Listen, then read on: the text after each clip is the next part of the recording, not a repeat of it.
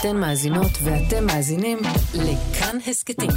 כאן הסכתים, הפודקאסטים של תאגיד השידור הישראלי. היסטוריה לילדים עם יובל מלכי.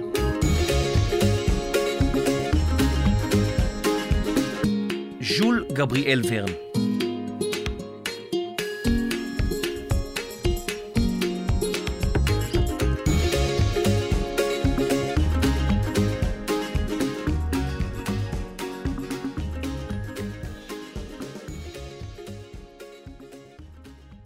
שלום ילדות, שלום ילדים, בונז'ור, שזה שלום בצרפתית. קומו סבה? מה שלומכם? לפני כ-200 שנה נולד ילד קטן וחמוד שהיה לסופר. הוא כתב על כל מיני דברים מופלאים ודמיוניים שלא היו קיימים בזמנו. למשל, מכונה מסוגלת להתרומם מהקרקע ולעוף, מכונה מסוגלת לצלול מתחת למים, חללית שיכולה לצאת מכדור הארץ ולטוס לחלל, מכשיר המראה תמונות ותוכניות, בניינים גבוהים או גורדי שחקים, רכבות סופר מהירות, מכוניות, מכשירים לחישוב, לוחות סולאריים, הולוגרמות, יכולת לראות אנשים הנמצאים ממש רחוק, כמו בזום, ואפילו רשת שלמה המאפשרת לתקשר אחד עם השני במהירות. דברים מוזרים ומשונים. רגע, אבל היום יש לנו גורדי שחקים וחלליות וזום ומסוקים ואינטרנט, אז איך מישהו יכול היה לחשוב עליהם לפני כל כך הרבה שנים? היום אספר לכם על סופר יוצא דופן שהקדים את זמנו, ז'ול גבריאל ורן.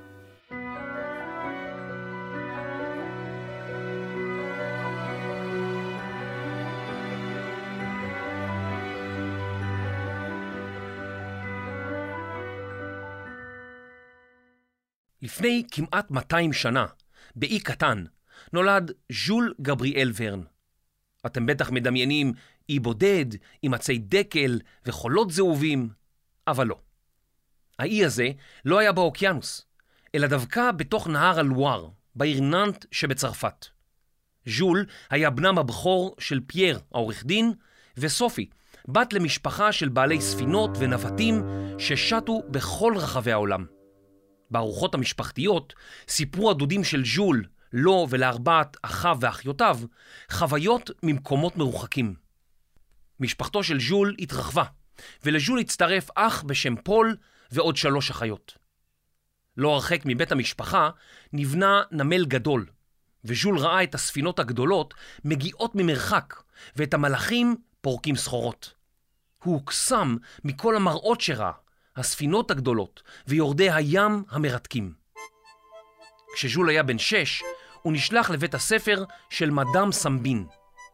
בעלה היה רב חובל של ספינה שנעלמה לפני יותר משלושים שנה, והמורה סיפרה לז'ול ולחבריו שהיא בטוחה שבעלה חי על אי בודד ושהוא עוד ישוב. בוודאי שהוא יחזור אליי, אין לי שמץ של ספק. הוא בטח מגדל קוקוסים באי שלו ובונה רפסודה כדי לשוט ישר אליי. למרות שכבר עבר הרבה זמן, אני מקווה שהוא יביא לי קצת קוקוסים. אני מתה על קוקוסים. המחשבה על מסעות ארוכים למקומות רחוקים, על ספינות תרופות ועל החיים באיים בודדים הקסימו את דמיונו. כבר בגיל צעיר החל לכתוב סיפורים קצרים.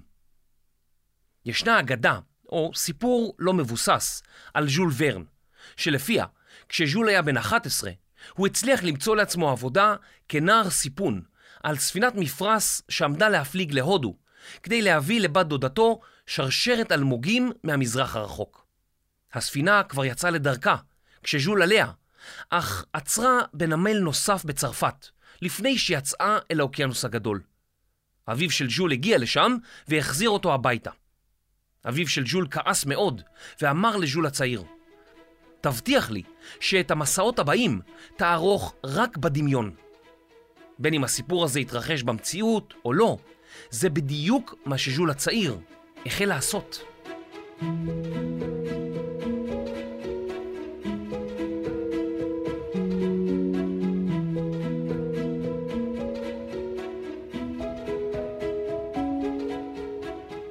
כבר בילדותו, ז'ול הצטיין בגיאוגרפיה, למד יוונית ולטינית, ואהב לכתוב שירה ולדקלם בעל פה יצירות ספרותיות. אבל מה שהסעיר אותו יותר מכל היה הנהר שהוביל אל הים, שהוביל אל העולם הגדול. ז'ול ישב שעות ארוכות על גדת הנהר, התבונן בספינות ודמיין לעצמו לאן הן מפליגות. אולי לאפריקה, אולי לדרום אמריקה, אולי לאוסטרליה, אולי ליפן, ואולי אולי לארץ האש שבקוטב הדרומי. כל האפשרויות נראו לו נהדרות כל כך. לאחר שסיים את לימודיו, נשלח ז'ול ללמוד משפטים בפריז, עיר הבירה של צרפת. אביו רצה שז'ול יהיה עורך דין, כמוהו, וימשיך את העסק המשפחתי. אבל לז'ול היו תוכניות אחרות.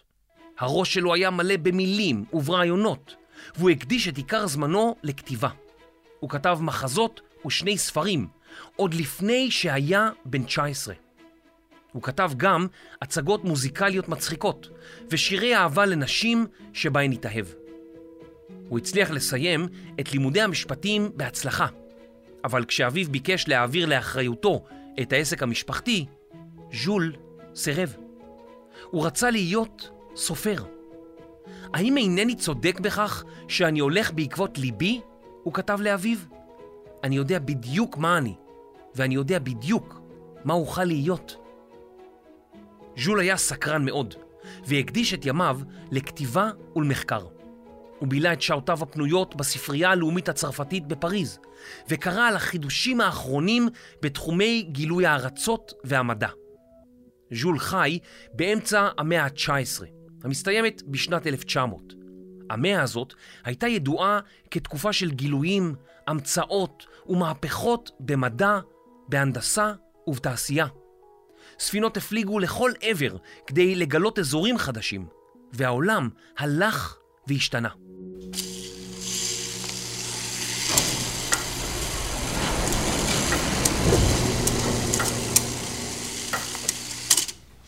ז'ול חי בצרפת, אך הוא קרא כל מה שאפשר על העולם הגדול.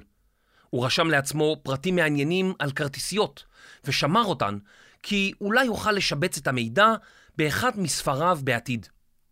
ז'ול גם התיידד עם כמה מהסופרים המצליחים והמפורסמים ביותר בצרפת באותה התקופה. ביניהם ויקטור הוגו, מי שכתב את עלובי החיים ואת הגיבן מנוטרדם, ואלכסנדר דיומה, מי שכתב את שלושת המוסקטרים והרוזן ממונטה קריסטו. הם עודדו אותו להמשיך לכתוב. ז'ול התחבר גם עם מגלי ארצות, שסיפרו לו חוויות והרפתקאות מסמרות שיער שעברו עליהם במדבריות, ביערות הגשם ובכתבים. כשמשהו מסמר שיער, הוא מעמיד את השערות שלנו. זהו כינוי לסיפור מרתק או מפחיד.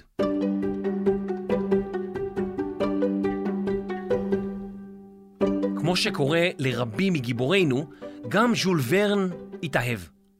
אהובתו הייתה הונורין, אלמנה צעירה שהיו לה שתי בנות קטנות. אלמנה ואלמן הם אנשים שבני הזוג שלהם נפטרו. ז'ול והונורן התחתנו, וז'ול מצא עבודה כסוחר בניירות ערך בבורסה של פריז. אבל התשוקה שלו הייתה ונשארה ספרות. הונורין עודדה אותו להמשיך לכתוב, ותמכה בו. ז'ול עבד קשה. הוא נהג לקום מוקדם כל בוקר כדי לכתוב, לחקור ולקרוא. לאחר מכן הלך לעבוד, ואת זמנו הפנוי בילה בספרייה, כדי להתעדכן בכל ההמצאות והגילויים המדעיים החדשים. ז'ול החל לפתח רעיון לסוג חדש של ספר, הרומן המדעי. רומן הוא ספר דמיוני, הכתוב בשפה פשוטה. רומן מדעי הוא ספר העוסק בעולם המדע. ז'ול דמיין ספר שישלב בין עלילה סוחפת ומותחת לבין פרטים מדעיים מדויקים.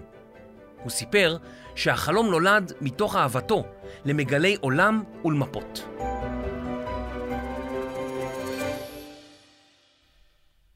ז'ול אמנם למד כל כך הרבה על העולם, אבל הוא לא יצא מגבולות צרפת עד שהיה בן 30. אז הצטרף לשייט בספינה שהפליגה מצרפת לאנגליה ולסקוטלנד. ההפלגה בספינה והביקור בארצות חדשות מילאו את ז'ול בהשראה. השהות בים, המראות החדשים, הריחות, הכל היה חדש, מעורר ומרגש כל כך. אוי, איזה כיף פה בים! הרוח, הציפורים, השמיים!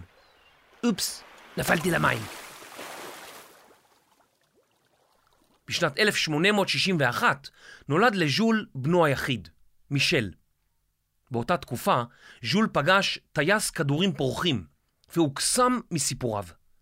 הוא החל לעבוד על ספר בשם חמישה שבועות בכדור פורח.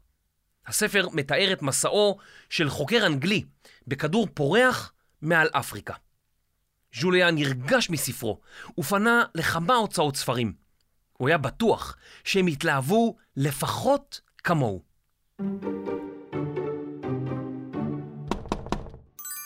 שלום, אני ז'ול ורן, וזה הספר שלי. בוא נראה, אה, סיפור נחמד, אבל הרבה מדע. אנשים לא אוהבים מדע, לא תודה.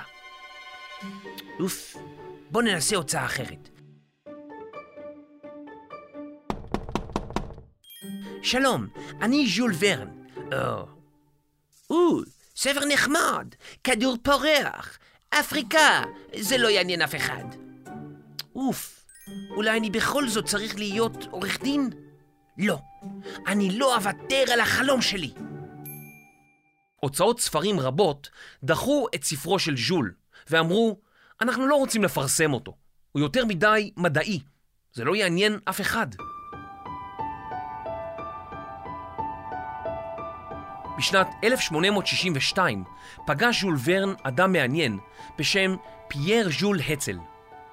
הצל היה המוציא לאור של סופרים וסופרות מפורסמים בצרפת. הוא רצה לייסד כתב עת, עיתון שיתפרסם פעמיים בחודש, וישלב בין ספרות סוחפת ומבדרת לבין חינוך מדעי. הצל קרא את כתב היד של חמישה שבועות בכדור פורח, והבין שמצא את הכותב המושלם. הוא הציע לז'ול הצעה מופלאה. אני אפרסם בכתב העת שלי את הסיפורים שלך בהמשכים, פרק בכל גיליון, ובסוף כל שנה אוציא אותם כספר. אני גם אשלם לך תמורת הסיפורים. כל מה שתצטרך לעשות זה לכתוב, והרבה. ז'ול קפץ על ההצעה. זה טראבון, זה בונבון. איך אפשר לסרב להצעה כזאת טרה מגניפיק? אוללה!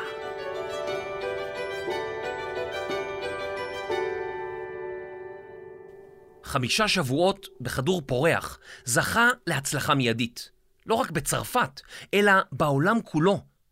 ז'ול הפך לסופר ידוע, והמשיך לכתוב עוד ועוד ספרים. בספרו, מסע אל הקוטב הצפוני, משלחת אנגלית בראשותו של קפטן האטרס נתקעת באי גרינלנד. הם מצליחים להצית אש בעזרת קרח, להילחם בדובי קוטב ענקיים, ולבסוף להינצל. אך ראש המשלחת, קפטן האטרס, השתגע, ובמשך כל ימי חייו תמיד צעד צפונה.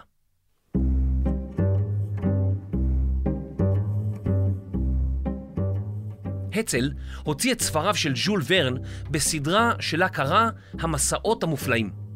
מטרת הסדרה, כתב הצל, היא להציג את הידע של המדע המודרני בסגנון מבדר וציורי. ז'ול ורן סיפר כי המטרה שלי הייתה לתאר את העולם, אך לא רק את כדור הארץ, אלא את היקום. אני יודע שיש מי שאומרים שאין שום ערך ספרותי בספר הרפתקאות, אבל הם טועים. ז'ול ורן צדק. בספריו היה ערך ספרותי ומדעי רב. ספרי ההרפתקאות שלו היו כתובים היטב וזכו להצלחה אדירה. מדי שבועיים חיכו עשרות אלפי קוראים לפרק הבא בסיפור שכתב. ובסוף כל שנה עשרות אלפי קוראים רכשו את ספריו, בדיוק בזמן לחג המולד.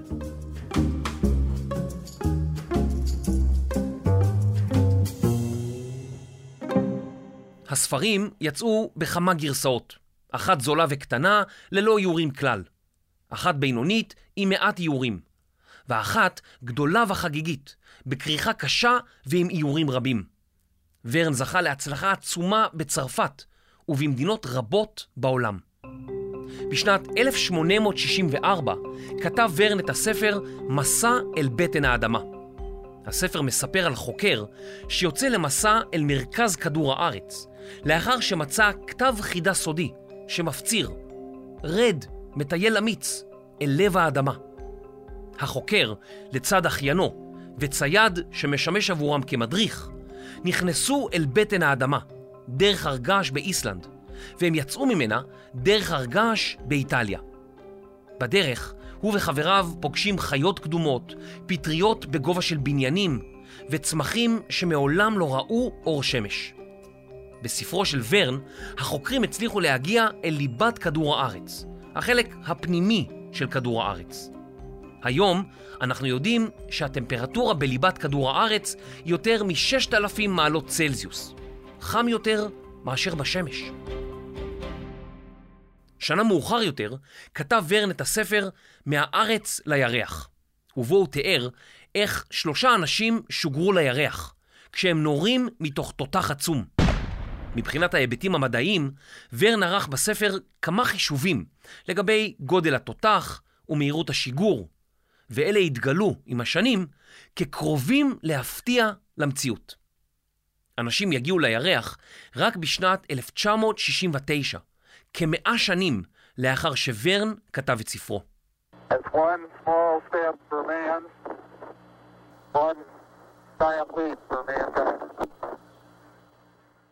בשנת 1869 פרסם ז'ול ורן את ספרו 20 אלף ליגות מתחת למים. ליגה הייתה מידה ישנה של בערך חמישה קילומטרים, והספר תיאר את המרחק שעברה הצוללת, לא עומק. כך ששמו של הספר, בתרגום לימינו, הוא 100 אלף קילומטרים מתחת למים. את הספר תרגמו בעברית ל-20 אלף מיל מתחת למים, אבל מיל הוא מרחק קצר הרבה יותר מזה המתואר בספר. אם חפרתי קצת, סליחה. הספר 20 אלף ליגות מתחת למים מספר על קפטן נמו, שמשית את הצוללת שלו, נאוטילוס, במעמקי הים, הרחק מהציוויליזציה האנושית. הוא מטביע ספינות אירופאיות כנקמה על מות משפחתו. יושבי הצוללת מוצאים את עצמם תקועים ימים ארוכים מתחת לקרח בכתבים, ולאחר שהם נחלצים מן הקרח, הם נאלצים להיאבק בדיונוני ענק. כשישב בספרייה וקרא לראשונה על דיונוני הענק שחיים בעומק האוקיינוס, כתב ורן למוציא לאור שלו בהתרגשות עצומה. הצל יקירי, זה הנושא הטוב ביותר שנפל לידי מעולם. לא אסלח לעצמי אם אחמיץ אותו. ובאמת, איך אפשר לעמוד בפני דיונון ענק?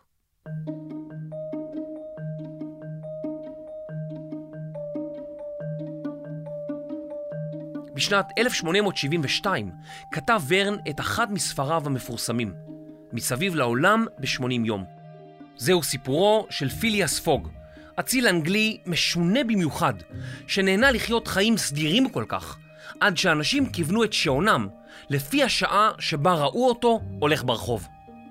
יום אחד, בוויכוח עם חבריו, הוא התערב איתם שאפשר להקיף את כדור הארץ כולו ב-80 יום, ואז הצהיר, אני אעשה זאת בעצמי. וכך, האיש יושב הבית, בעל ההרגלים הקבועים, יצא למסע שלקח אותו ברכבות, בספינות, במזחלות, בכרכרות, על פילים ומה לא. והכל כדי להצליח להקיף את העולם כולו.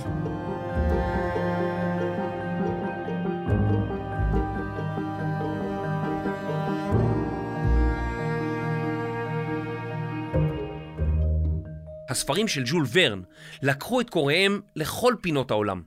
למדבריות באפריקה, לארצות הברית, לכתבים ולאיים בודדים. הם אפילו יצאו מגבולות כדור הארץ, אל הירח. הם הציגו טכנולוגיות ופיתוחים מדעיים שלא היו מוכרים עד אז. המסוק, הצוללת, החללית, הטלוויזיה, המזגן, גורדי השחקים ועוד. יש שחשבו שוורן היה נביא שחזה את העתיד. אבל ורן עצמו תמיד הכחיש. אני פשוט משקיע הרבה בתחקיר, הוא אמר. אפילו לפני שהתחלתי לכתוב סיפורים, תמיד אספתי מידע, מכל ספר, עיתון, כתב עת או דוח מדעי שיצא לי לקרוא.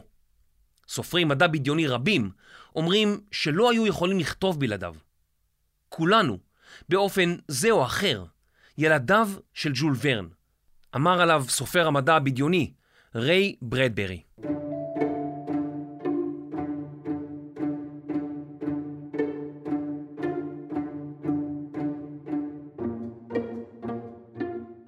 מכל סיפוריו של ג'ול ורן, ישנו ספר אחד שהמוציא לאור הצל סירב להדפיס.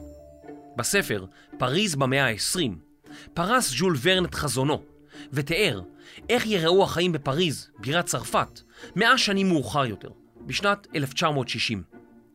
הצל חשב שהספר מציג חזון הגמומי לעתיד, ושהקוראים לא יאמינו למה שכתוב בו. עדיף לך להתמקד בספרי מדע והרפתקאות, הוא אמר לז'ול, והוסיף, ציפיתי ממך ליותר. הספר נשכח בכספת למשך 130 שנה, והתגלה על ידי הנין של ז'ול ורן בשנת 1994. כשקוראים היום את ספרו של ג'ול ורן, מדהים לגלות עד כמה מדויקת הייתה התחזית שלו. הספר מתאר את פריז כעיר מלאה במכוניות, בתחנות דלק ובכבישי אספלט, ברכבות, בגורדי שחקים ומעליות. פריז מוארת באור פנסי חשמל ומקוררת על ידי מזגנים. כל אלו לא היו קיימים בתקופה שבה נכתב הספר. ורן חזה גם את המוזיקה האלקטרונית, ואפילו כתב על מחשבים שמסוגלים לשלוח הודעות זה לזה על גבי רשת שמזכירה את האינטרנט של ימינו, וגם על הצוללת, מפרשים סולאריים בחלל ועוד. ורן רצה לכתוב עוד ועוד. הוא פרסם בחייו לא פחות מ-54 ספרים, אך הרגיש שלא הספיק לכתוב את כל שרצה. לא השלמתי את עבודתי, אמר. העולם עצום והחיים קצרים. כדי להשאיר מאחוריו יצירה שלמה, אדם יצטרך לחיות לפחות עד גיל מאה. ז'ול נהנה מפירות ההצלחה. הוא היה סופר פופולרי מאוד ואהוד מאוד. הוא הרוויח כסף רב מיצירותיו, וקנה ספינה קטנה, סנט מישל שמה, שבה הפליג ברחבי אירופה ונהנה מחיי הנדודים. ז'ול גם מוכתר כקצין בליגיון הכבוד הצרפתי, אות הכבוד הגבוה ביותר שמעניקה צרפת לאומניה. אוי, איזה כיף פה בים! הרוח, הציפורים, השמיים! אופס, נפלתי למים. בשנת 1905 הלך ז'ול ורן לעולמו. בנו, מישל, מצא שאביו החל לכתוב סיפורים וספרים רבים שמעולם לא פרסם, והוא החל לפרסם אותם לאחר מות אביו. מגדלור בקצה העולם, געש הזהב, ציידי המטאורים ואחרים. רק השמות שלהם עושים חשק לקרוא את הספרים. ז'ול ורן הוא אחד משלושת הסופרים המתורגמים ביותר בעולם. לצד המחזאי וויליאם שייקספיר וכותב את ספרי המתח אגתה קריסטי. ספריו תורגמו לכ-150 שפות ועובדו לסרטים, לסדרות, למחזות, לספרי קומיקס ואפילו למתקנים בלונה פארק. אחד הסרטים הראשונים והמשפיעים בהיסטוריה של הקולנוע, מסע אל הירח, משנת 1902, התבסס על ספרו של ורן, מן האדמה אל הירח. זהו סרט בן 14 דקות, והוא גם סרט המדע הבדיוני הראשון. אם תראו אותו ביוטיוב, הוא בטוח ישעמם או יצחיק אתכם. מעניין. יש גם סרטים חדשים יותר, כמו מסע אל בטן האדמה והמסע אל האי המסתורי, שיצאו לאקרנים ממש לפני כמה שנים. לאורך השנים, הספרים של ורן היוו השראה לילדות וילדים לעסוק במדע. מדענים שהושפעו מספריו בחרו לקרוא לדברים שונים על שמו. כך אפשר למצוא בחלל אסטרואיד שקרוי על שמו, מחטה ז'ול ורן על הירח, וגם את החללית הרובוטית ז'ול ורן ששוגרה לתחנת החלל הבינלאומית בשנת 2008.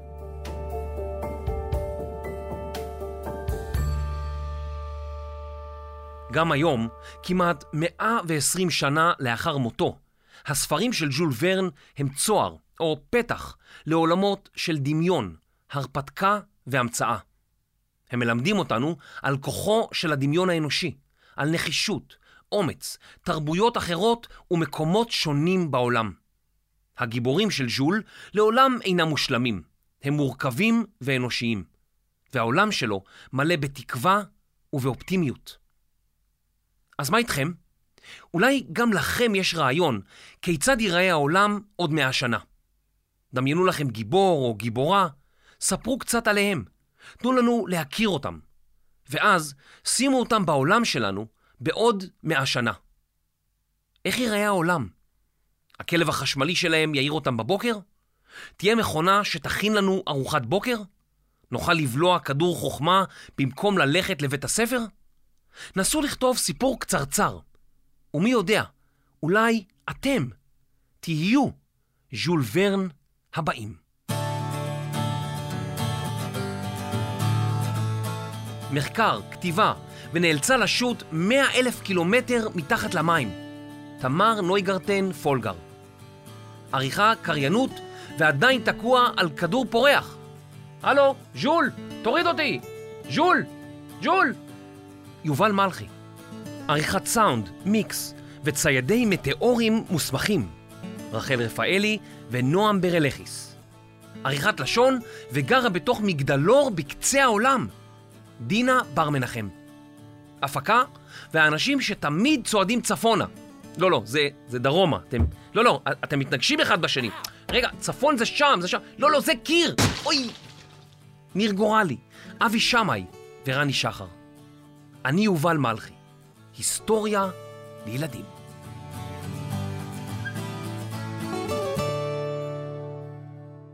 רגע, עצרו הכל. אם אתם מאזינים דרך אפל, ממש נשמח שתדרגו אותנו ותכתבו מה אתם הכי אוהבים בהיסטוריה לילדים. זה עוזר לנו מאוד, אז תודה.